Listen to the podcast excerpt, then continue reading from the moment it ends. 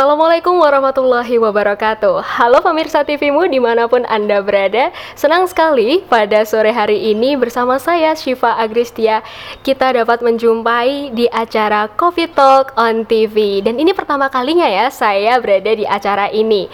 Dan acara ini adalah persembahan dari MCCC atau Muhammadiyah COVID-19 Comment Center Yang juga didukung sepenuhnya oleh TVmu Dan tentunya bagi Anda pemirsa TV TVmu yang sudah menyimak acara kesayangan kami, silahkan Anda dapat menonton langsung bisa dipilih di platform yang paling nyaman yang bisa Anda gunakan. Pertama ada di Facebook, di TVmu Stasiun UAD, lalu kemudian juga ada di YouTube TVmu Jogja dan biasanya nih untuk para millennials uh, suka live streaming IG atau Instagram bisa di @tvmu UAD Jogja. Jangan lupa untuk di-follow ya. Dan kemudian sebelum kita mengenalkan para pembicara kita pada sore hari ini, saya mau mengenalkan dulu partner host saya nih atau biasa dipanggil co-host. Di sini sudah ada uh, Bapak Budi. Saya Budi. Yeay, yang sudah ganteng sekali hari Wah. ini Demi para bertemu, demi peserta. bertemu Bu Ama. Yo, iya. demi bertemu pertama pemirsa. Nah, betul sekali. Iya betul sekali dan seperti biasa ya Pak Budi Ya. kita berdiskusi lebih dalam tentang COVID-19. Dan pemirsa juga bisa Mhm. berinteraksi dengan kita Mbak Syifa. Betul sekali Anda bisa berinteraksi dengan kami melalui telepon di 081 0852 2507 9119 atau yang sudah tertera di layar kaca Anda. Ya, Pak Budi, Hmm. pada sore hari ini temanya adalah darurat diteruskan atau transisi pilihannya. Kita belajar dari peningkatan kasus COVID-19 di Surabaya. Dan pada sore hari ini kita sudah bersama empat pembicara yang Ya. keren-keren, Pak Wow, Budi. Top ini. Apalagi yang di studio ini, Ya. sudah yang paling cantik di antara pembicara-pembicara yang lain. Pastinya itu. Oke, di sini sudah ada Ibu Ama atau Ibu Rahmawati Hussein MCP PhD. Ya. Selamat ma selamat, sore Ibu. Selamat sore Mbak Siva. Suasananya panas di sini walaupun ber AC ya Bu. Tapi kalau Bu Ama Karena semangat. ya, Iya, kalau- iya. Kalau Bu Ama semuanya membara, bajunya aja merah iya Bu. Iya. semangatnya itu sampai panas ke sini. Harus perang melawan corona. Nah, perangi corona masih. Perangi corona masih. Bukan dokter corona ya, corona. iya, Ibu Ama sebagai unsur pengarah juga di BNPB ya Bu. ya. Iya, Mbak Siva. Kalau kegiatannya di BNPB sendiri maupun kalau yang saya tahu Ibu itu aktif mengikuti kegiatan-kegiatan internasional. Nah, itu apakah sudah masih online terus atau sudah ada yang off air Ibu hingga saat ini? Eh, sampai saat ini kita masih online kegiatan saya sebagai unsur pengarah. Jadi tiap minggu kita juga bertemu dengan unsur pengarah yang lain melalui Zoom ya. Kita Zoominar juga untuk memberikan masukan-masukan yang eh, masukan-masukan kepada unsur pelaksana. Dalam ini hal ini gugus tugas apa yang sebaiknya dikerjakan. Kita juga berdiskusi dengan atau mendapat pengalaman dari negara-negara lain. Jadi kita mengundang pembicara dari seluruh dunia. Eh, itu tiap minggu ada giliran orang Indonesia yang tinggal di Amerika di Polandia di eh, Cina ya di Thailand di mana saja baik di Asia. Kemudian untuk tingkat ASEAN saya kita juga masih zoom minar juga bagaimana eh, ASEAN bekerja sama untuk memerangi corona di tingkat ASEAN baik kerjasama pemerintah dengan pemerintah pemerintah dengan NGO pemerintah dengan masyarakat atau people to people kemudian di tingkat global juga eh, kita eh, ada em, apa mendorong juga untuk eh, pemberian dana-dana karena saya di Dewan Pengarah SERF itu dana kemanusiaan global Ya. itu memberikan bantuan eh, ke berbagai daerah yang masih korban perang tapi juga kena COVID. Sehari kira-kira berapa kali Zoom meeting, Mbak? Eh, Iya, minimal di itu pasaran. 3 sampai 4 itu bisa Tiga dibayangkan sampai itu. empat ya. Dengan satu sekali durasi Zoom meeting bisa sampai dua jam ya, Dua jam. Bisa ya 1 sampai 2 jam, Oke, paling cepat baik. satu jam. Kalau begitu matanya lelah Ah, luar biasa. Luar biasa. Tetapi tidak kalah luar biasa dari Mbak Ama juga tiga narasumber kita yang ada di sana itu. Betul. Kita sapa yang pertama Dokter Atoilah. Dokter Atoilah ini adalah ahli epidemiologi. Dokter Dokter Atoilah spes, eh, mag- eh, magister kesehatan dari Mhm, FK UNER. dari UNER. Ya, assalamualaikum Dokter Atoilah. Waalaikumsalam warahmatullahi Ya, ini di rumah apa di mana dok? Ya, di rumah. Ya, Di rumah masih- saja. Kalau kondisinya di Surabaya ini sudah mulai ramai atau bagaimana dok?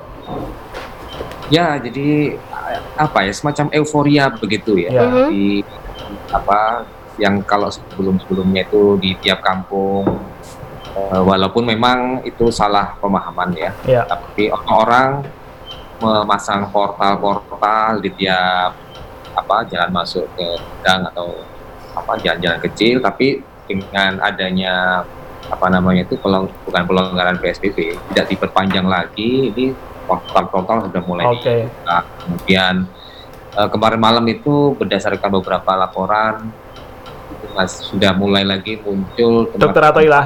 Ya. Kangkruan Ya, Dokter Atoilah. Ya, saya kira sebelum panjang lebar sama dengan luas Dokter Atoilah akan Oh, sharing ya. tentang data Surabaya. Ini kita sapa dulu dua narasumber kita yang di sebelahnya Oh, Dokter Atoilah. Ya. Iya. Ya, ini ada Dokter Corona Rintawan Spesialis Emergency. Beliau adalah Wakil Ketua Muhammadiyah MCCC COVID-19 Pusat. Common Center PP Muhammadiyah. Mhm. Assalamualaikum Mas Oni, Dokter Corona. Waalaikumsalam warahmatullahi wabarakatuh, Mas Budi, Sehat, Mbak dokter? Sehat ya dokter? Nora semua. Ya, alhamdulillah. Itu lagi di mana Sehat. dokter? Lagi di rumah sakit. Lagi di rumah, di rumah sakit. sakit, ya. Serag- Wah. seragamnya sudah kelihatan kalau beliau sedang di rumah sakit. Mhm, mantap sekali ya. Eh, sambil di rumah sakit, sambil Ya. tetap bisa menyempatkan waktunya Betul. untuk bisa berbagi bersama kita. Dan di sebelahnya Dr. Corona ada beliau adalah Bapak Tamhid. Beliau adalah Ketua Muhammadiyah COVID-19 Common Center pimpinan wilayah Muhammadiyah Jawa Timur. Ya, Assalamualaikum Pak Assalamualaikum. Kiai. Waalaikumsalam warahmatullahi wabarakatuh. Alhamdulillah. Alhamdulillah, ini nampak semangat sekali. Sehat ya. Pak? Alhamdulillah Mbak Siva sehat, kita Baik. jaga terus. Terima kasih. Senantiasa dan selalu sehat. Amin. Karena Amin. ada kewajiban di pimpinan wilayah Muhammadiyah Jawa Timur Mhm. itu diwajibkan eh, yang sudah dilakukan adalah rapid test sudah dua kali dan alhamdulillah dari ke 12 pimpinan harian semuanya sehat. Alhamdulillah. Alhamdulillah. Luar biasa. Kan cuma satu? Haji. Oh iya. Iya.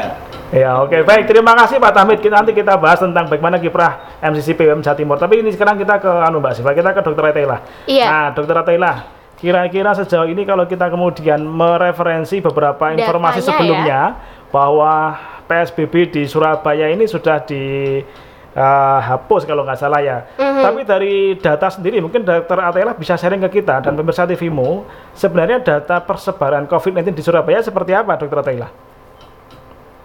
Ya, jadi em, kalau kita lihat sekarang bahwa kita mulai dari kemarin saja ya, eh, setelah PSBB sudah mulai di apa longgarkan atau sudah mulai tidak diperpanjang, itu langsung eh, Surabaya itu mencatatkan angka kasus yang ya mungkin tertinggi ya selama ini ya yaitu sekitar 220 kasus baru. Ya, memang tidak bisa langsung dimaknai bahwa begitu PSBB apa selesai kemudian kasus itu langsung muncul karena memang itu tentunya dari beberapa spesimen-spesimen yang sudah diambil beberapa hari sebelum apa eh, akhir dari PSBB itu sendiri. Tetapi paling tidak itu menunjukkan bahwa sebenarnya Surabaya belum siap ya secara epidemiologi untuk melakukan eh, pelonggaran-pelonggaran. Karena tren kasusnya itu masih tinggi ya. Sementara di sisi lain kesadaran masyarakat terkait apa eh, protokol kesehatan masih sangat rendah.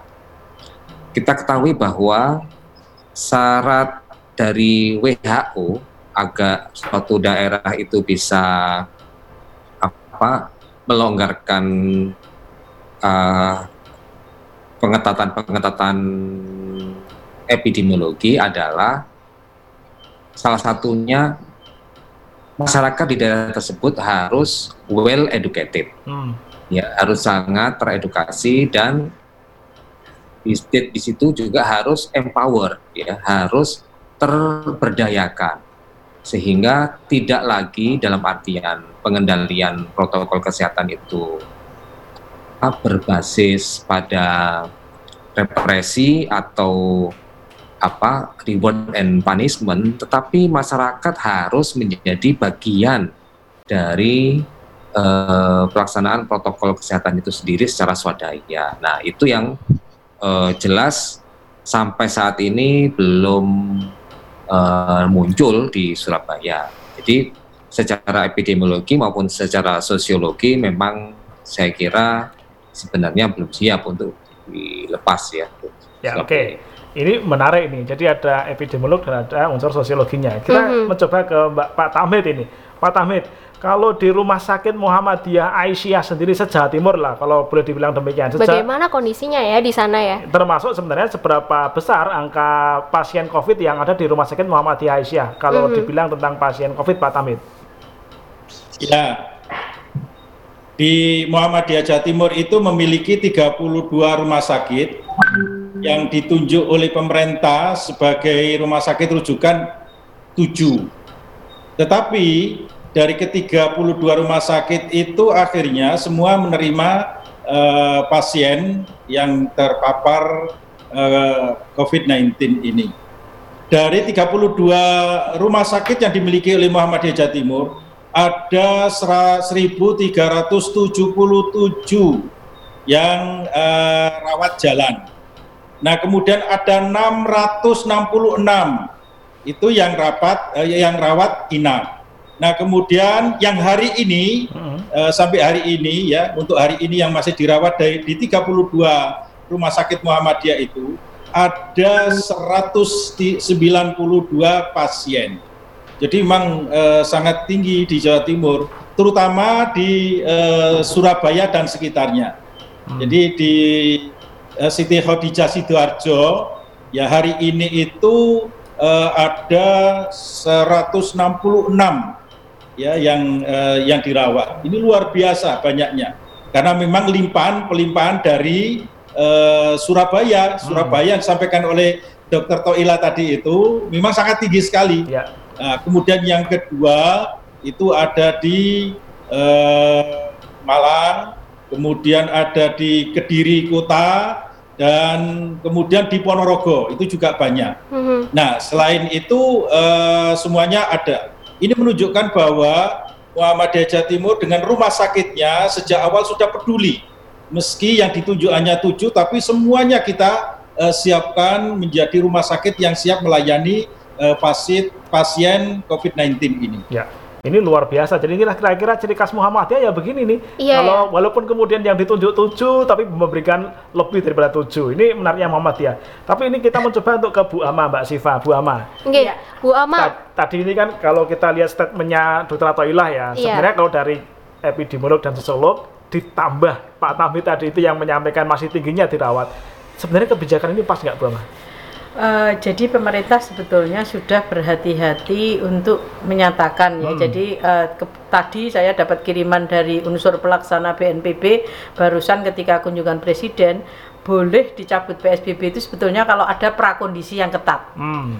Jadi sebenarnya boleh dicabut kalau memang masyarakatnya eh, sudah disiplin. Oke. Nah, di Indonesia ini eh, masyarakatnya pertama yang disampaikan dokter Atoilah tadi belum disiplin. Betul. Eh, apalagi dibuka itu tambah anu apa euforia eufo, apa Euforia. eufor- euforia yang lu- luar biasa malah seperti dibolehkan sepenuhnya padahal eh, tujuannya itu tetap kalau kita mau dicabut PSBB dan mau beralih ke transisi Ya. itu yang disampaikan presiden itu tetap harus ada prakondisi yang ketat. Mhm. Yang kedua ada perhitungan yang cermat antara data dan fakta. Jadi dua poin tadi sudah disampaikan hari ini di gugus tugas Ya. supaya eh, daerah-daerah itu tetap eh, melakukan prakondisi yang ketat. Ya. Baik, nanti setelah ini kita akan menanyakan kepada dokter Corona apakah resiko dari pelonggaran PSBB ini atau perhentian justru ya. Tapi tunggu sesaat lagi pemirsa TVmu setelah yang satu ini.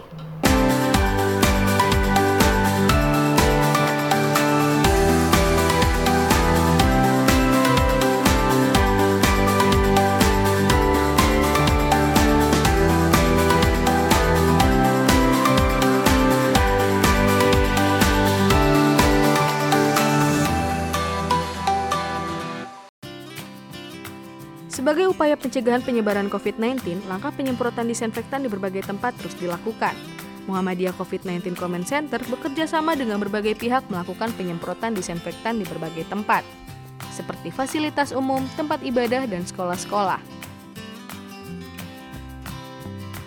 Sampai saat ini, penyemprotan disinfektan telah dilakukan di 48.954 titik, di antaranya 10.422 tempat ibadah, 32.092 fasilitas umum, 5.959 sekolah, serta 481 gedung amal usaha Muhammadiyah.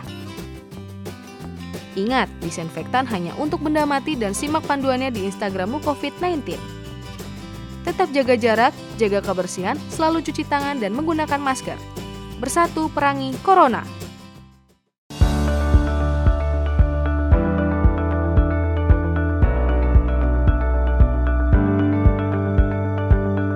Muhammadiyah COVID-19 Comment Center memberikan informasi terupdate mengenai penanganan COVID-19, mulai dari pelayanan kesehatan, ketahanan pangan hingga pencegahan COVID-19 di masyarakat.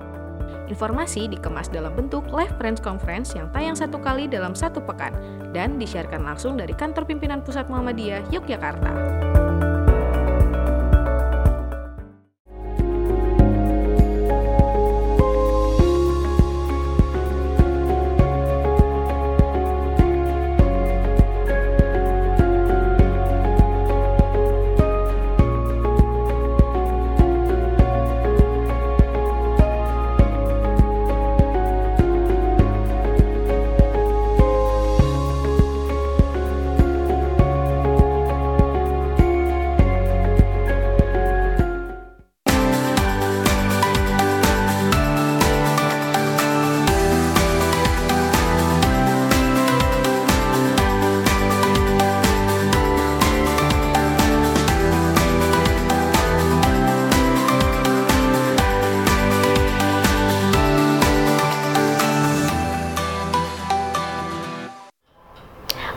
Masih di Coffee Talk on TV, pemirsa TVmu, di mana pun Anda berada, dan tadi kita sudah mendengar penjelasan dari Ibu Ama terkait tentang uh, apakah sudah tepat kebijakan mencabut pelonggaran SB, PSBB ini. Nah, kemudian kalau tadi sudah dijelaskan oleh Dokter Atohila bahwa me- kasus ini semakin meningkat begitu di Surabaya maupun di Jawa Timurnya sendiri. Nah, kalau menurut Dokter Corona, ini sebenarnya dengan adanya pelonggaran seperti ini apa sih resikonya, Dokter? Uh, ya, jelas nanti resikonya tentu yang akan tertular juga akan semakin banyak jika apalagi masyarakatnya tidak tertib ya, Mhm. tidak tertib dalam menjalankan protokol kesehatan. Mungkin sekilas seperti diketahui per hari ini uh, kita total sudah 34.000 secara nasional ya, 34.316 terkonfirmasi positif. Ada kenaikan yang signifikan 1.240 kasus untuk secara nasional hari ini ya. Secara nasional juga kita melihat dari yang terkonfirmasi ini 58,9% itu membutuhkan perawatan dari yang ringan sampai yang sedang. Sedangkan rate kesembuhan kita secara nasional itu masih 35,3%. Artinya apa? Akan lebih banyak yang membutuhkan perawatan daripada yang sembuh. Nah ini Hmm. tentunya akan menjadi satu masalah di beberapa hari kemudian jika uh, semakin terjadi peningkatan kasus yang terkonfirmasi, sedangkan yang meninggal 5,7 persen ya masih uh, sama seperti yang kemarin. Itu pun dengan catatan ODP dan PDP tidak masuk dalam grafik. Artinya apa? Uh, jika ini nanti dibiarkan PSBB dihentikan tanpa adanya pengawasan secara regulasi terhadap pelaksanaan protokol kesehatan, ya ledakan-ledakan kasus ini akan muncul Hmm. gitu. Ini pun dengan sekarang ada penambahan 1240 jika kita track back ya trace back uh, ke belakang itu pun kemungkinan itu karena penularan yang seminggu yang lalu atau dua minggu yang lalu. Mhm. Artinya kan seperti penjelasan Dr. Atoila tadi, betulnya ini pening- uh, peningkatan yang seminggu yang lalu itu bahkan peningkatan pada saat PSBB masih berjalan Mhm. Hmm. Gitu. Ya, Pada Kalau saat men- PSBB yang berjalan saja juga masih meningkat secara tajam apalagi di longgarkan. kan atau Dilonggarkan. dilonggarkan. ya ini menarik nih. tentunya Ya, kalau ini menarik ketika kemudian tadi Dokter Kuna menyampaikan mengenai eh, lamanya perawatan, Mhm. kemudian peluang ke depan masih tinggi. Saya mau ke Pak Tamid ya, Pak Tamid. Eh, kira-kira kalau kemudian kekhawatiran ini ya, kekhawatiran kemudian uh, lamanya perawatan, uh, angka yang semakin naik. Kalau Rumah Sakit Muhammadiyah Aisyah sendiri di Jawa Timur secara umum atau di Surabaya sendiri, apa yang uh, sekiranya bisa dilakukan atau kontribusi apa yang mau dilakukan oleh teman-teman dari Rumah Sakit Muhammadiyah Aisyah, Pak? Ya, uh, pengaruh dari COVID-19 ini eh, terhadap rumah sakit rumah sakit Muhammadiyah memang beragam. Ada yang rumah sakit yang memang telah mengantisipasi dan kemudian mempengaruhi eh, jumlah kunjungan pasien. Itu memang ada yang sekarang ini turun sampai 30 persen. Hmm. Tetapi ada yang eh, mengantisipasi dengan berbagai macam eh, modifikasi eh, kepada masyarakat dan menjamin bahwa pasien-pasien yang dirawat uh, COVID ini disendirikan, tempatnya tersendiri, dan kemudian untuk yang uh, reguler juga disendirikan, maka ini ada peningkatan uh, yang luar biasa. Okay, Memang okay. ada pengaruhnya, ya, ya. Uh, terutama yang ada di Surabaya dan sekitarnya. Ya. Nah, oleh karena itu uh, rumah sakit rumah sakit Muhammadiyah ini sekarang ini selalu uh, kita berdiskusi untuk melakukan kolaborasi bersama bagaimana caranya supaya rumah sakit ini tetap bertahan seperti uh, sedia kala dan tetapi juga bisa melayani pasien-pasien uh, yang COVID, ya? kena COVID ini. Termasuk yang ini memang terus ya? dilakukan dan kita semua terus uh, saling berdiskusi dan memberikan masukan antara satu direktur dengan direktur yang lain. Kita minta kepada MPKU yang dimotori oleh MC3 ini mm-hmm. untuk senantiasa kita uh, melakukan diskusi dan uh, penyampaian uh, berbagai persoalan dan masalah yang uh, dihadapi bersama. Nah, rumah sakit-rumah sakit itu tentunya membutuhkan ya dukungan dari kita semua, dari pemerintah terutama. Uh, kalau rumah sakit yang sudah ditunjuk sebagai uh, rujukan, rujukan itu masih dapat uh, apa kiriman APD dan lain sebagainya. Tetapi yang dari tidak, 32 ya? yang tidak ditunjuk itu uh, ini kita selalu berusaha untuk memberikan ya bantuan layanan dan mencarikan berbagai macam kebutuhan supaya mereka tetap uh, sehat, protokol kesehatannya tetap dijaga dan memberikan edukasi kepada masyarakat supaya mereka juga tidak perlu takut untuk datang ke rumah sakit. Ya. Dan alhamdulillah sekarang ini sudah mulai tumbuh kepercayaan masyarakat terhadap rumah sakit rumah sakit Muhammadiyah. Mm -hmm. Oke. Okay. Berarti uh, dari segi hmm. tim medisnya pun juga akan hmm. semakin terlindungi gitu dengan iya. adanya APD-APD yang dibantu. Ya, Dokter Atoilah ini uh, kalau kita ke Dokter Atilah Mbak Sipa, hmm. Dokter Atilah sebenarnya faktor apa lagi sih sebenarnya kemudian hmm. penyebaran COVID di Surabaya ini ya? Ini kan setelah trennya dari DKI beralih ke Surabaya Jawa Timur, Jawa Timur ya. Mm -hmm.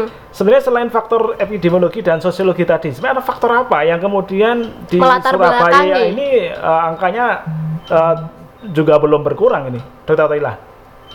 Ya, jadi gini, mungkin kalau kita runut secara anu ya dari aspek apa waktu kita mungkin masih ingat bahwa setelah Jakarta kemudian ramai kasus COVID-19 ini, maka daerah kedua yang kemudian melaporkan COVID-19 ini adalah Surabaya. Hmm. Jadi artinya walaupun waktu itu belum sebanyak Jakarta, tapi sebenarnya Surabaya ini uh, juga menjadi second city ya di Indonesia ini yang kemudian hmm. menjadi second uh, mumpung waktu itu belum bisa disebut sebagai epicentrum, tetapi potensial epicentrum ya waktu itu karena ini terkait dengan bahwa Surabaya sama seperti Jakarta itu menjadi port ya, menjadi hub uh, dari orang-orang yang bepergian baik dari luar negeri ke dalam negeri maupun antar daerah di dalam negeri sendiri.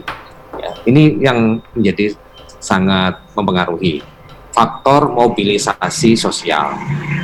Nah, kemudian setelah apa penerbangan dibatasi, transportasi apa namanya itu uh, udara dibatasi, muncul fenomena sosial, ya, yaitu mudik. Hmm. Nah, seperti kita ketahui bahwa uh, beban terbesar ya kota yang memiliki beban terbesar untuk menampung para pemudik dari ibu kota itu adalah Jawa Timur khususnya Surabaya.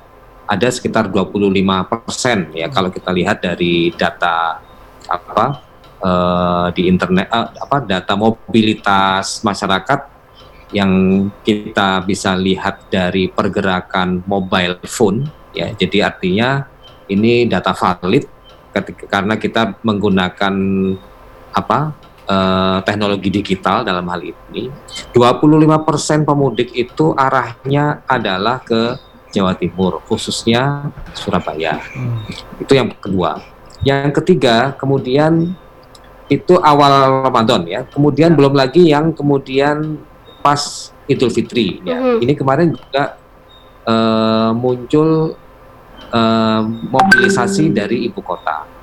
Jadi ada satu apa anekdot begitu ya bahwa sebenarnya Jakarta turun karena para OTG ini pindah ke daerah-daerah khususnya ke Jawa Surabaya. Timur ya. Ya, ini yang juga perlu diwaspadai. Uh, mungkin ini sekedar anekdot ya, hmm. tetapi dari data mobilisasi tersebut itu juga harus kita waspadai bahwa ketika nanti ada arus balik ke Jakarta, ya Jakarta yang sekarang ini apa kasusnya memiliki tren penurunan walaupun tanggal kemarin itu juga naik juga sama seperti uh, Surabaya. Jakarta harus siap dengan adanya second wave ya, hmm. gelombang kedua dari apa uh, virus corona ini yang bukan berasal dari perubahan mutasi virus itu sendiri, tetapi dari eh, pergerakan virus yang dibawa oleh pemudik yang balik ke ibu kota. Hmm. Ya, jadi faktor mobilisasi di sini yang menjadi ya, ya. pengaruh yang saya kira cukup signifikan hmm. terhadap peningkatan kasus di, di Surabaya ini.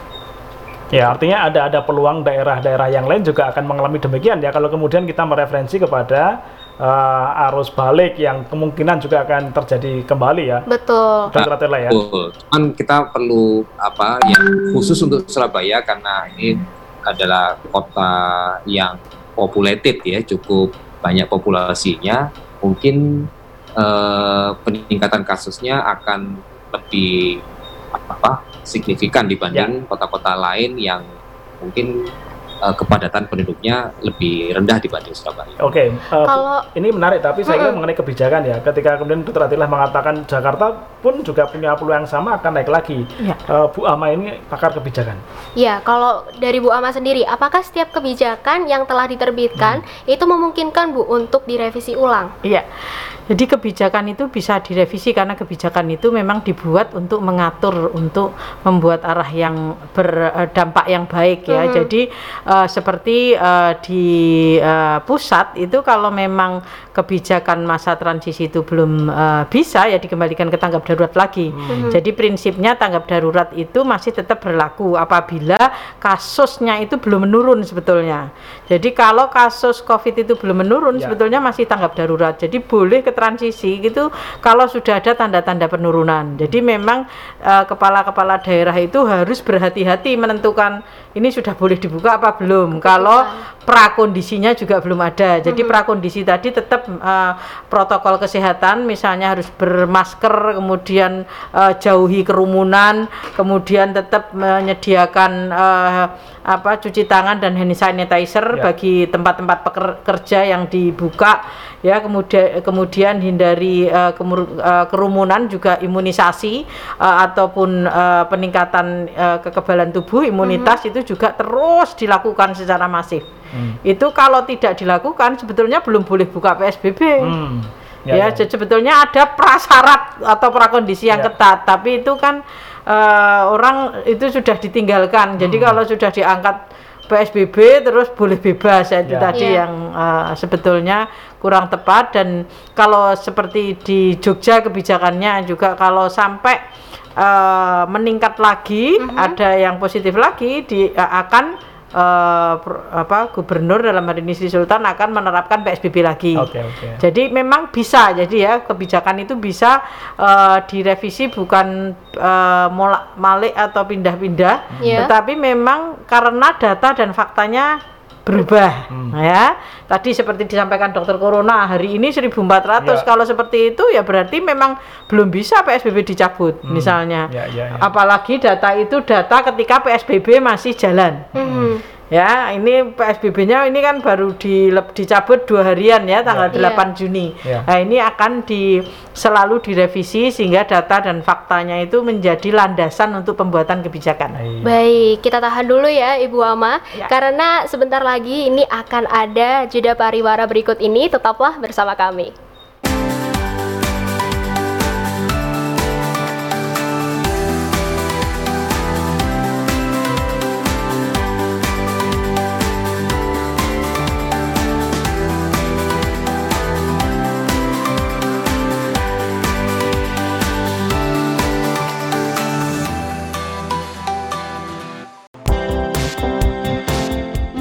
Muhammadiyah COVID-19 Comment Center telah membagikan ribuan masker kepada masyarakat di berbagai wilayah di Indonesia sebagai salah satu upaya untuk mencegah penyebaran COVID-19 di masyarakat. Sebanyak 339.218 masker yang telah dibagikan kepada masyarakat untuk terhindar dari COVID-19. Selalu physical distancing saat di luar rumah agar terhindar dari COVID-19, sehingga keluarga di rumah selalu aman. Bersatu perangi Corona.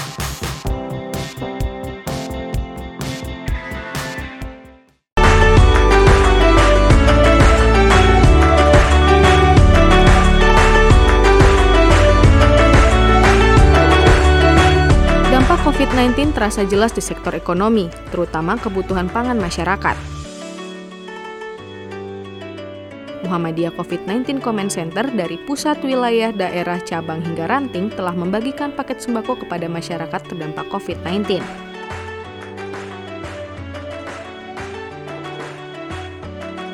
Muhammadiyah mentargetkan ada 1 juta paket sembako hingga akhir tahun. Sampai saat ini, 397.317 paket sembako senilai lebih dari 39 miliar rupiah yang telah dibagikan kepada masyarakat di seluruh wilayah di Indonesia.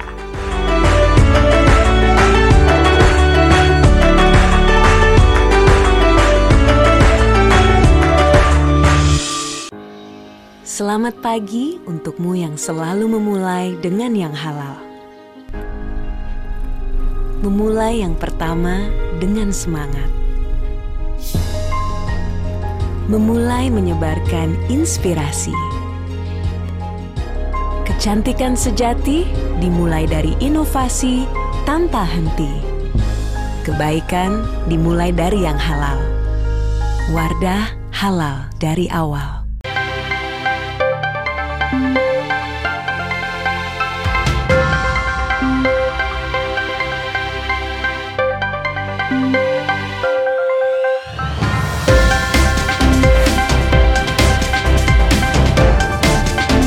Dalam program langkah pasar. lebih menganut sistem hukum yang bergerak civil law atau Eropa kita akan berbincang berbagai isu-isu aktual dan juga kepakaran di berbagai bidang ilmu ada di Universitas Ahmad Dahlan eh, degradasi dan fragmentasi dari plastik-plastik yang tadinya ukurannya besar Terhadap beraya. Nah itulah yang menyebabkan kenapa tingkat literasi di ini mendapatkan sesuatu mengajar tetapi juga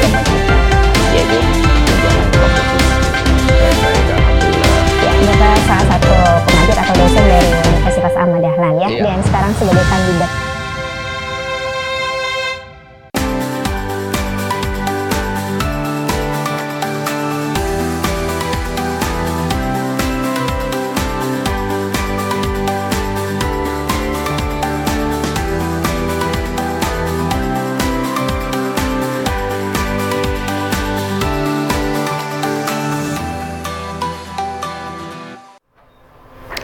Baik, masih bersama kami sahabat apa Berkat TVmu. Iya. Aduh, saking bersemangatnya Ah, ini iya, sampai kegeser-geser gitu loh. iya. Karena saya nggak nggak nggak sabar lagi untuk menanyakan Oke. ke dokter atau Hilah. Oke. Baik, dokter atau Hilah. Satu pertanyaan dari saya, kira-kira kapan uh, COVID-19 ini bisa turun? Di Surabaya atau di Indonesia ya? Di Surabaya. Di Surabaya Dan secara umum di dan Indonesia. secara umum di Indonesia ya. Se- ya, kebetulan tadi pagi kita di Universitas Airlangga memang melakukan suatu kalkulasi yang karena kita juga berkepentingan ya terhadap apa prediksi ini mengingat eh, kita di Universitas Airlangga juga akan melaksanakan eh, new normal gitu. Sehingga perlu adanya gambaran kondisi apa COVID dalam enam bulan ke depan. Nah, berdasarkan tren data yang sudah kami kumpulkan selama apa tiga bulan terakhir dan kemudian kita lakukan modeling berdasarkan teori SIR ya susceptible, infected dan uh, recovery person itu ada beberapa apa ada beberapa skenario Hmm. yang intinya adalah saat ini kita sedang berada di puncak di Surabaya Oke. ya. Nah, dengan adanya pelonggaran PSBB, kita skenario pertama akan ada puncak di atas puncak itu Hmm. sekitar satu atau dua minggu ke depan. Itu skenario pertama. Iya. Bila tidak ada apa eh, pengetatan protokol kesehatan pasca PSBB ini. Ya, jadi puncak kita itu yang akan melandai itu ternyata akan naik lagi Hmm. ya sehingga kasus apa eh, baru dari COVID-19 ini akan meningkat dalam dua minggu ke depan. Skenario kedua adalah kalau misalnya pasca PSBB ini apa eh, bisa dilakukan pengetatan, maka sekitar bulan Agustus atau September bisa kita perkirakan kasusnya melandai Hmm. ya dengan catatan itu tadi ada pengetatan di bidang apa protokol kesehatan di masyarakat ya Mhm. Agustus September akan melandai dan kasus ini mungkin akan tetap ada sampai tahun depan walaupun eh, apa namanya itu dalam taraf yang bisa dikendalikan ya jadi kalau kita bilang pandemi ini kapan selesai mungkin pandemi bisa selesai Mhm. tetapi apa transmisi itu masih akan terus berjalan ya Hmm. pandemi itu kan apa kata WHO begitu Ya, kan ya. Mm-mm. tapi apakah di Indonesia ini masih tetap ada virus corona atau tidak? Ya masih sampai tahun depan gitu kan. Ya, Tapi dalam taraf yang bisa dikendalikan. Oke. Baik. Oke. Skenario ketiga nanti akan ada puncak kedua itu sekitar September walaupun puncaknya tidak terlalu tinggi. Itu apabila kemudian kampus-kampus di universitas di, di Surabaya tidak aja di UNER itu sudah mulai berdatangan tanpa melakukan apa eh, protokol kesehatan seperti screening dan lain sebagainya. Itu akan ada puncak kedua sekitar September, kemudian melandai sekitar Desember. Ya, jadi pada prinsipnya eh, secara umum kita bulan September itu sudah turun dengan berbagai macam skenario tadi. Hmm, Oke, makasih eh, Dokter Atila. Ini menarik ya. Saya ke Dokter Corona. Dokter Corona, kalau berdasar pada pengalaman Dokter Corona ketika masih aktif di gugus tugas pemerintah pusat, Hmm. data-data seperti ini sebenarnya menjadi referensi nggak oleh pemerintah pusat, terutama eh, gugus tugas, untuk didiseminasi kepada provinsi atau kabupaten-kabupaten sebagai rujukan? Eh, setahu saya sampai saya selesai bertugas memang belum pernah ada diseminasi dan memang baru minggu lalu ya setelah Hmm. saya selesai pulang itu ada pertemuan untuk mendeseminasikan terkait dengan indikator-indikator ya ada banyak indikator yaitu ada 15 indikator eh, kesehatan masyarakat ya. ya ini yang konsepnya yang tahu sekarang istilahnya new normal itu kan juga saya Indonesia kan masyarakat eh, produktif dan aman ya. Hmm, ya, ya. itu itu ada jadi memang baru minggu lalu ada 15 indikator yang memang eh, disosialisasikan ke daerah-daerah terkait ini Ya, oke. Artinya memang eh, pada fase-fase sebelumnya data-data dari pusat eh, belum sampai kemudian menjadi bahan diseminasi di level provinsi maupun wilayah, ya. Dr. Ya. Nah, nah ini menarik ini ketika menyimak yang demikian Bu Ama, kira-kira apakah memang kemudian komunikasi antara eh, pusat kemudian eh, wilayah dan daerah ini memang sudah terjalin dengan rapi ya kalau Bu Ama mencermati ke dalam konteks Bu Ama sebagai pengamat kebijakan publik begitu Bu Ama. Eh, ini mungkin kerjasama atau komunikasinya itu masih perlu ditingkatkan ya. Hmm. Data-data yang didapat di pusat dan di daerah itu belum sinkron. Ya. Mhm. Jadi sinkronisasi data itu menjadi penting untuk melandasi kebijakan nasional. Ini yang perlu ditingkatkan. Jadi kemarin kebetulan ada diskusi dengan kantor staf presiden berkaitan dengan perbedaan data. Ini juga menjadi concern karena kebijakan itu didasarkan pada data, tidak berdasarkan asumsi ya. Jadi ini yang masih sering jadi kebijakan itu berdasarkan asumsi atau pendapat ahli saja tanpa didasarkan pada data. Ya. Iya. Oleh karena itu eh, harmonisasi data itu menjadi kewajiban.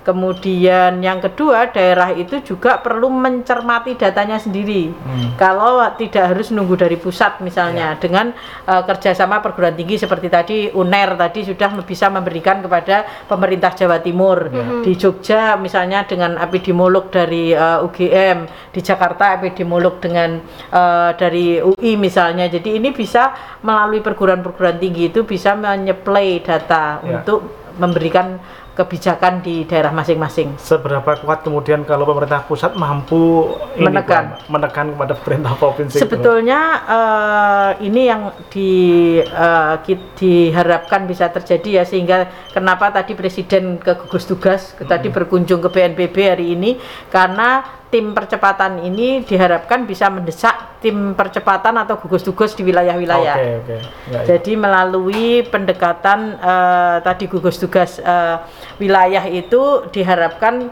eh, bisa ya mempercepat seperti gugus gugus tugas yang di nasional. Oke, Mbak. Ma. Eh, Pak Tamhid, jadi kalau kemudian UNAIR melakukan Muhammadiyah Jawa Timur sendiri, apa yang dilakukan untuk mendorong pemerintah daerah atau kota, termasuk provinsi misalnya begitu, untuk kemudian ini loh ada data demikian, jadi kemudian menjadi referensi bersama agar menentukan ABCD itu berbasis pada data, kenyataan dan fakta di lapangan. Apa yang telah dilakukan oleh MCC. PWM Jawa Timur, Pak Tamhid, kepada pemerintah? Ya, eh, pertama tatkala eh, PSBB ini sudah dilepas, ini kan kita seperti ambiar gitu ya. Sobat Jadi hilang. segala hal yang kemarin-kemarin itu sangat eh, rigid, ketat. Nah sekarang ini sudah euforia. Saya tadi berangkat dari rumah lewat jalan raya itu sudah penuh eh, mobil di tol eh, exit tol itu juga macet, menandakan bahwa ini kembali seperti sebelum ada eh, COVID-19. Ya. Nah, oleh karena itu, menurut saya eh, pemerintah ini harus senantiasa melakukan sosialisasi. Apa sih sesungguhnya masa transisi menuju ke new normal ini? Ini yang harus eh, menurut saya didefinisikan sehingga masyarakat tahu atau eh, untuk menyambut kebiasaan kehidupan baru itu seperti apa.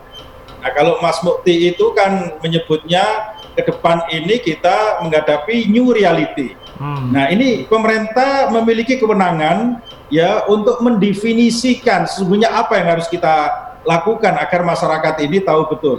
Kemudian yang kedua, pemerintah harus membentuk ya semacam sebuah gugus keamanan pada level eh, berbagai level ya. Termasuk kemarin itu eh, kita di kampung-kampung itu kan ada kampung eh, tangguh. Hmm. Oleh karena itu eh, satgas yang dibentuk seperti kemarin itu menurut saya sangat efektif karena kita langsung bersentuhan dengan eh, komunitas-komunitas yang ada di level bawah sehingga kita bisa memberikan edukasi kepada masyarakat. Kemudian yang ketiga, pemerintah pusat, provinsi maupun kota kabupaten ini harus membuat kebijakan itu harus konsisten. Jangan sampai kemudian eh, ada yang melonggarkan, kemudian eh, seperti menjelang hari raya di Masjid eh, Akbar Surabaya, kemudian ada surat dari eh, apa provinsi yang membolehkan untuk eh, hari raya itu kemudian semuanya menjadi ambiar dan semuanya mengikuti apa yang dilakukan oleh pemerintah provinsi. Ya, kemudian BWM Jawa Timur dengan keras kemudian minta supaya ditinjau kembali dan alhamdulillah ditinjau kembali dan akhirnya kita juga bisa menyaksikan sampai hari ini eh, masih dipertahankan. Nah, kemudian yang keempat, pemerintah jangan tergesa-gesa membuka sekolah-sekolah. Ya, karena eh, terus terang apa yang disampaikan oleh Dr. Toila tadi kalau nanti ada gelombang yang kedua pada bulan September. eh, Agustus Sep- September, itu saya kira nanti ya anak-anak sekolah ini akan pasti ya akan eh, kena dampaknya.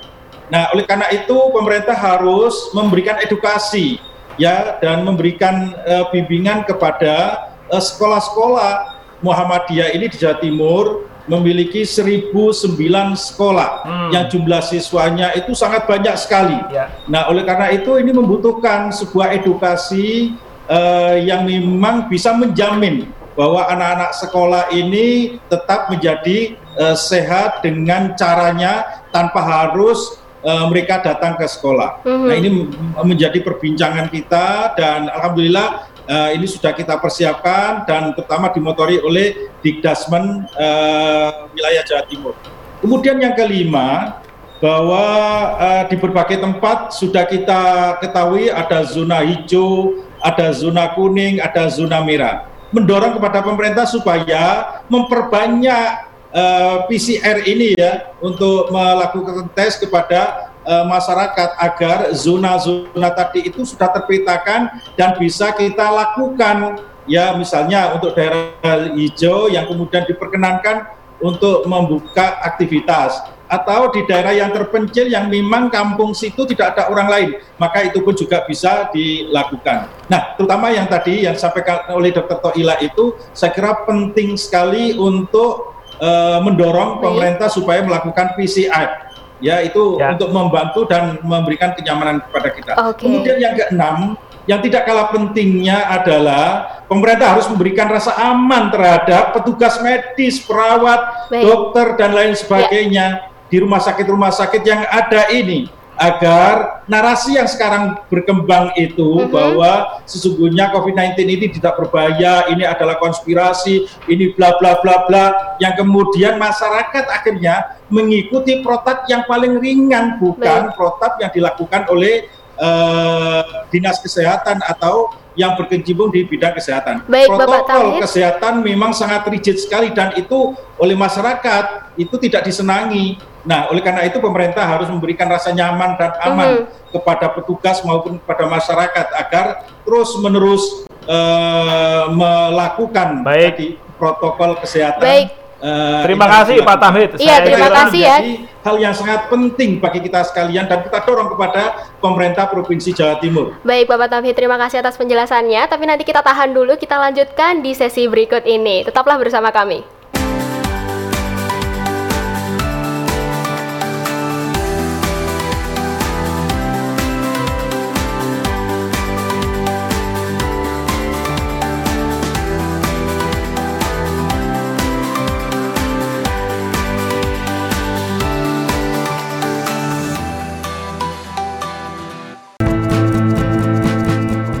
Sakit menjadi garda terdepan dalam penanggulangan COVID-19 dan dapat juga menjadi benteng terakhir.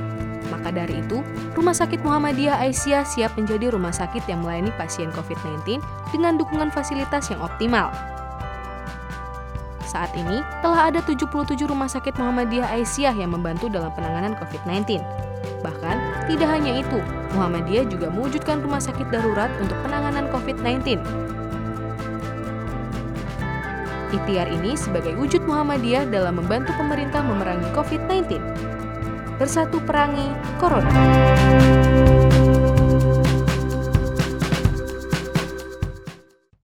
Batik Nasional Muhammadiyah sudah menjadi kebanggaan bagi setiap warga Muhammadiyah.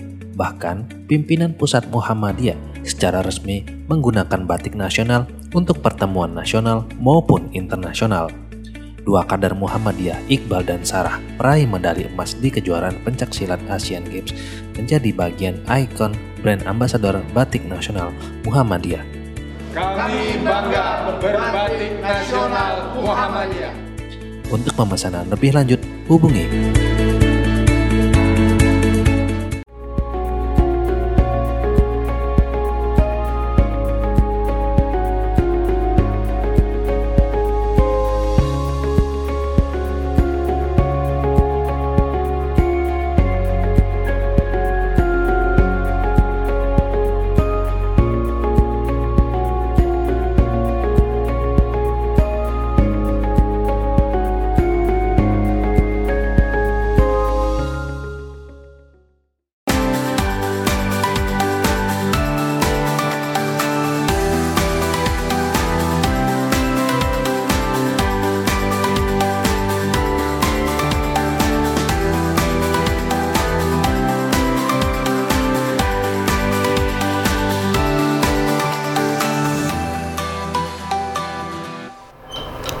pemirsa yang ada di rumah masih di Coffee Talk on TV dan saat ini sudah ada di segmen terakhir acara ini dan saya ingin menanyakan kepada Dokter Atoilah terlebih dahulu ya Pak Budi Ya. ya.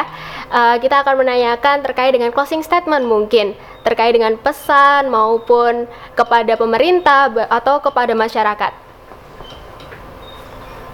Ya, jadi kalau kita lihat data yang jelas Mhm. saat ini kita masih dalam posisi tanggap darurat ya, bukan pada fase tahap pemulihan. Nah, kemudian apakah kemudian PSBB perlu dilanjutkan atau tidak? Saya kira secara normatif perlu. Tetapi bahwa kemudian ada anggapan lain misalnya bahwa aspek ekonomi terdampak cukup parah, saya kira konsekuensinya apabila PSBB ini kemudian dilonggarkan ya ada dua. Yang pertama empower, empowerment masyarakat agar lebih patuh pada protokol kesehatan yang pertama. Yang kedua tes harus lebih masif. Karena sebenarnya PSBB itu tidak untuk mengeliminasi penyakit ini. Filosofi PSBB itu adalah hammering the curve, Hmm. menekan agar kurvanya itu nggak terlalu tajam sehingga kasus-kasus yang muncul masih bisa tertangani oleh kapasitas fasilitas kesehatan medis kita. Ya, nah itu adalah upaya ketika kita tidak bisa mengidentifikasi mana yang sakit, mana yang sehat. Nah, ketika kemudian PSBB dilonggarkan, konsekuensinya harus kita harus mengidentifikasi dong mana yang sakit atau mana yang sehat. Caranya yaitu dengan tes masif sehingga kalau misalnya dari tes masif itu lebih ketahuan mana yang sakit, mana yang tidak. Nah, yang sakit ini kemudian diisolasi dan diobati dan dipisahkan da- dari yang sehat. Jadi saya kira eh, seperti itu. Intinya kita sekarang masih dalam posisi tanggap darurat, Ya. tapi kalau misalnya ada apa keterpaksaan di ya. aspek yang lain dan ekonomi dan sebagainya, konsekuensinya harus tes masif itu harus dijalankan. Baik, kalau Saya kira mungkin Mm-mm. itu Ya. dari saya. Kalau dari dokter atau Hila sendiri tadi menekankan tes masif itu harus dijalankan. Kalau dari dokter corona sendiri bagaimana dokter? Saya kira mungkin kalau saya sependapat dengan Dr. Atala bahwa ini memang lagi eh, masanya tetap ini masa tanggap darurat Mhm. dilihat dari kurvanya yang saat ini pun bahkan itu PCR yang belum maksimal pun itu masih naik ya. Artinya apalagi nanti kalau lab PCR-nya ditambah pasti angkanya akan tambah naik. Artinya kondisi masih belum aman untuk Indonesia dan eh, PSBB pun kalau jika dilonggarkan itu dengan alasan non kesehatan maka tentunya harus diperkuat di kesehatannya. Artinya kalau di bidang kesehatan lab PCR ditambah, kemudian diperkuat sektor kesehatannya. Karena pasti pada saat diperlonggar dengan edukasi masyarakat yang tidak dilakukan masif, korban ini akan banyak yang sakit. Dan otomatis beban di sektor kesehatan ini akan menjadi tinggi. Nah, artinya jika nanti suatu saat terjadi ledakan-ledakan karena edukasi yang mungkin kurang masif, masyarakat masih tidak patuh, regulasi untuk melakukan punishment juga tidak dilakukan. Nah, ini kan artinya eh, akan memperbanyak pasien dan memperbanyak korban yang positif dan apalagi nanti rumah sakit juga tidak disiapkan dengan baik atau fasilitas kesehatan di tingkat pertama juga tidak siapkan dengan baik maka akan, ter- akan terjadi beban yang berlebihan di sektor kesehatan. Saya kira itu aja. Ya, baik. eh, Jadi saya kira kasih. memang itu harus diperkuat di protokol kesehatan dengan regulasi yang eh, sangat sangat keras gitu dan juga memperkuat di eh, sektor kesehatan. Saya Terima kasih, Dokter Rona. Ini menarik ini. Kalau kemudian eh, Pak Tamhid, eh, Muhammadiyah selalu menjadi pionir penggerak untuk tetap menghadang corona, merangi corona. Karena Mhm. ini tadi Dokter Atoila menyampaikan dan Dokter Corona menyampaikan bahwa saat ini masih tanggap darurat. Jangan berpikir dulu tentang transisi. Ini masih tanggap darurat. Kalau begitu kemudian role model seperti apa yang selalu dan akan terus dilakukan oleh Muhammadiyah Jawa Timur tidak hanya kemudian dalam aspek kesehatan di semua ini di tempat ibadah di sekolah dan yang lain model ditanggap darurat seperti apa yang ditawarkan tetap kepada masyarakat Ya, terima kasih. Secara Eh, singkat, kita secara singkat, Pak. berhenti untuk melakukan edukasi kepada masyarakat bahwa eh, COVID-19 ini eh, berbahaya dan sudah kita saksikan betapa banyaknya eh, para pemangku kesehatan, dokter, perawat dan lain sebagainya yang kemudian uh, mendahului kita. Itu menunjukkan bahwa uh, yang ahli di bidangnya saja uh, terkena dan akhirnya uh, beliau wafat. Apalagi kita yang tidak tahu tentang kesehatan itu pasti bahwa COVID-19 ini adalah sangat uh, berbahaya. Nah, oleh karena itu MC3 Muhammadiyah Jawa Timur ini terus-menerus akan melakukan dan mengedukasi kepada masyarakat bahwa ke depan harus kita lakukan ya dengan cara-cara yang ilmiah yang memang berdasarkan kepada ilmu pengetahuan. Nah, oleh karena itu karena kita anggap bahwa pandemi ini cukup lama, maka harus ada kesiapan-kesiapan yang harus dilakukan oleh masyarakat. Maka Muhammadiyah Jawa Timur memberikan edukasi kepada masyarakat untuk melakukan ketahanan pangan kepada masyarakat secara umum. Ini menjadi penting dengan melakukan uh, lumbung pangan dan lain sebagainya. Dan ini sudah kita lakukan. Baik. Misalnya kepada masyarakat umum kita berikan di samping kita memberikan uh, bingkisan, tetapi kita juga mengusahakan untuk bahan-bahan uh, pokok itu Baik. kita jual dengan harga yang relatif murah dan kita siapkan. Okay. Dan itu alhamdulillah respon masyarakat sangat bagus ya. Sangat penting sekali. Baik Pak Tamhid. Nah, kemudian Pak Uh, sekolah. Ya. Ini juga menjadi penting supaya uh, bahwa anak-anak didik kita tetap menjadi sehat tapi tetapi me, tetap mendapatkan jaminan pendidikan. Ini juga menjadi uh, penting bagi kita semua. Okay. Oleh karena itu, mari kita uh, siapkan uh -huh. untuk menyongsong kepada perubahan Pak Tamhid ya Pak Tamhid ke depan ya. ini menjadi sebuah kekuatan kita bersama. Baik Pak Tamhid. Terima kasih. Terima kasih Pak Tamhid artinya, atas penjelasannya ya. Artinya bahwa Muhammadiyah Jawa Timur masih uh -huh. menegakkan protokol untuk tetap uh, sekolah jarak jauh, stay at home, kemudian rumah, rumah ibadah lebih baik di rumah aja ya Pak Tamhid ya. Terima kasih Pak Tamhid. Kita ke ya, Bu Ahmad. Benar, tetapi ya. kita terus terang tidak bisa kemudian memberikan uh, apa, baik ya oke okay, penekanan terima. kepada mereka terutama mm. untuk uh, tempat ibadah karena tempat ibadah ini tatkala dibuka satu maka yang lain akan mengikuti ya. nah tetapi kita sampaikan bahwa tetap protokol kesehatan Ditegakkan. untuk mencegah penularan ini dengan menjaga jarak, menjauhi kerumunan, berperilaku sehat ini menjadi okay. sebuah uh, edukasi yang harus kita terus menerus Baik. kita sampaikan kepada masyarakat. Terima kasih Pak Tamid. Oke, nah ini closing Bu Ama sekaligus menyimpulkan. Iya. Pentahelik ada pemerintah, masyarakat, dunia usaha. Ya. Bagaimana mengkolaborasinya? Memang bencana itu urusan semua pihak, bukan hmm. urusannya pemerintah saja. Ya. Jadi pemerintah berusaha membuat uh, kebijakan dan tadi kebijakannya juga sudah ditekankan bahwa tidak boleh cepat-cepat ke transisi darurat. Jadi belum sampai ke pemulihan. Kalau di dalam konsep bencana itu ada siaga darurat, tanggap darurat dan transisi darurat. Sekarang untuk bisa sampai ke transisi darurat itu harus ada prakondisi yang ketat. Hmm. Tadi sudah ditegaskan oleh Presiden.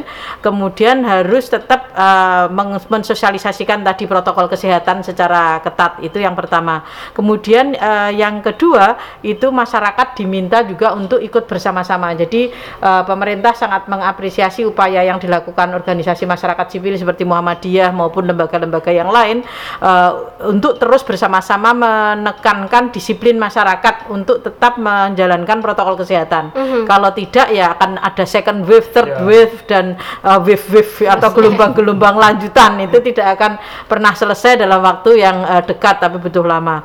Oleh karena itu kerjasama pentahelik ya, jadi antara uh, media, dunia usaha, akademisi dan uh, masyarakat maupun pemerintah itu menjadi sebuah keniscayaan atau keharusan. Mungkin itu closing ya. statementnya supaya kita bersama-sama kita melakukan uh, bisa ya. uh, perangi corona. Ya. Baik, terima kasih kepada para pembicara kita pada sore hari ini, kepada Bu Amap, Dokter Corona, Dokter Atoila, dan juga Pak Tamhid ya yang sudah menjelaskan dengan rinci ya Pak Budi ya. ya.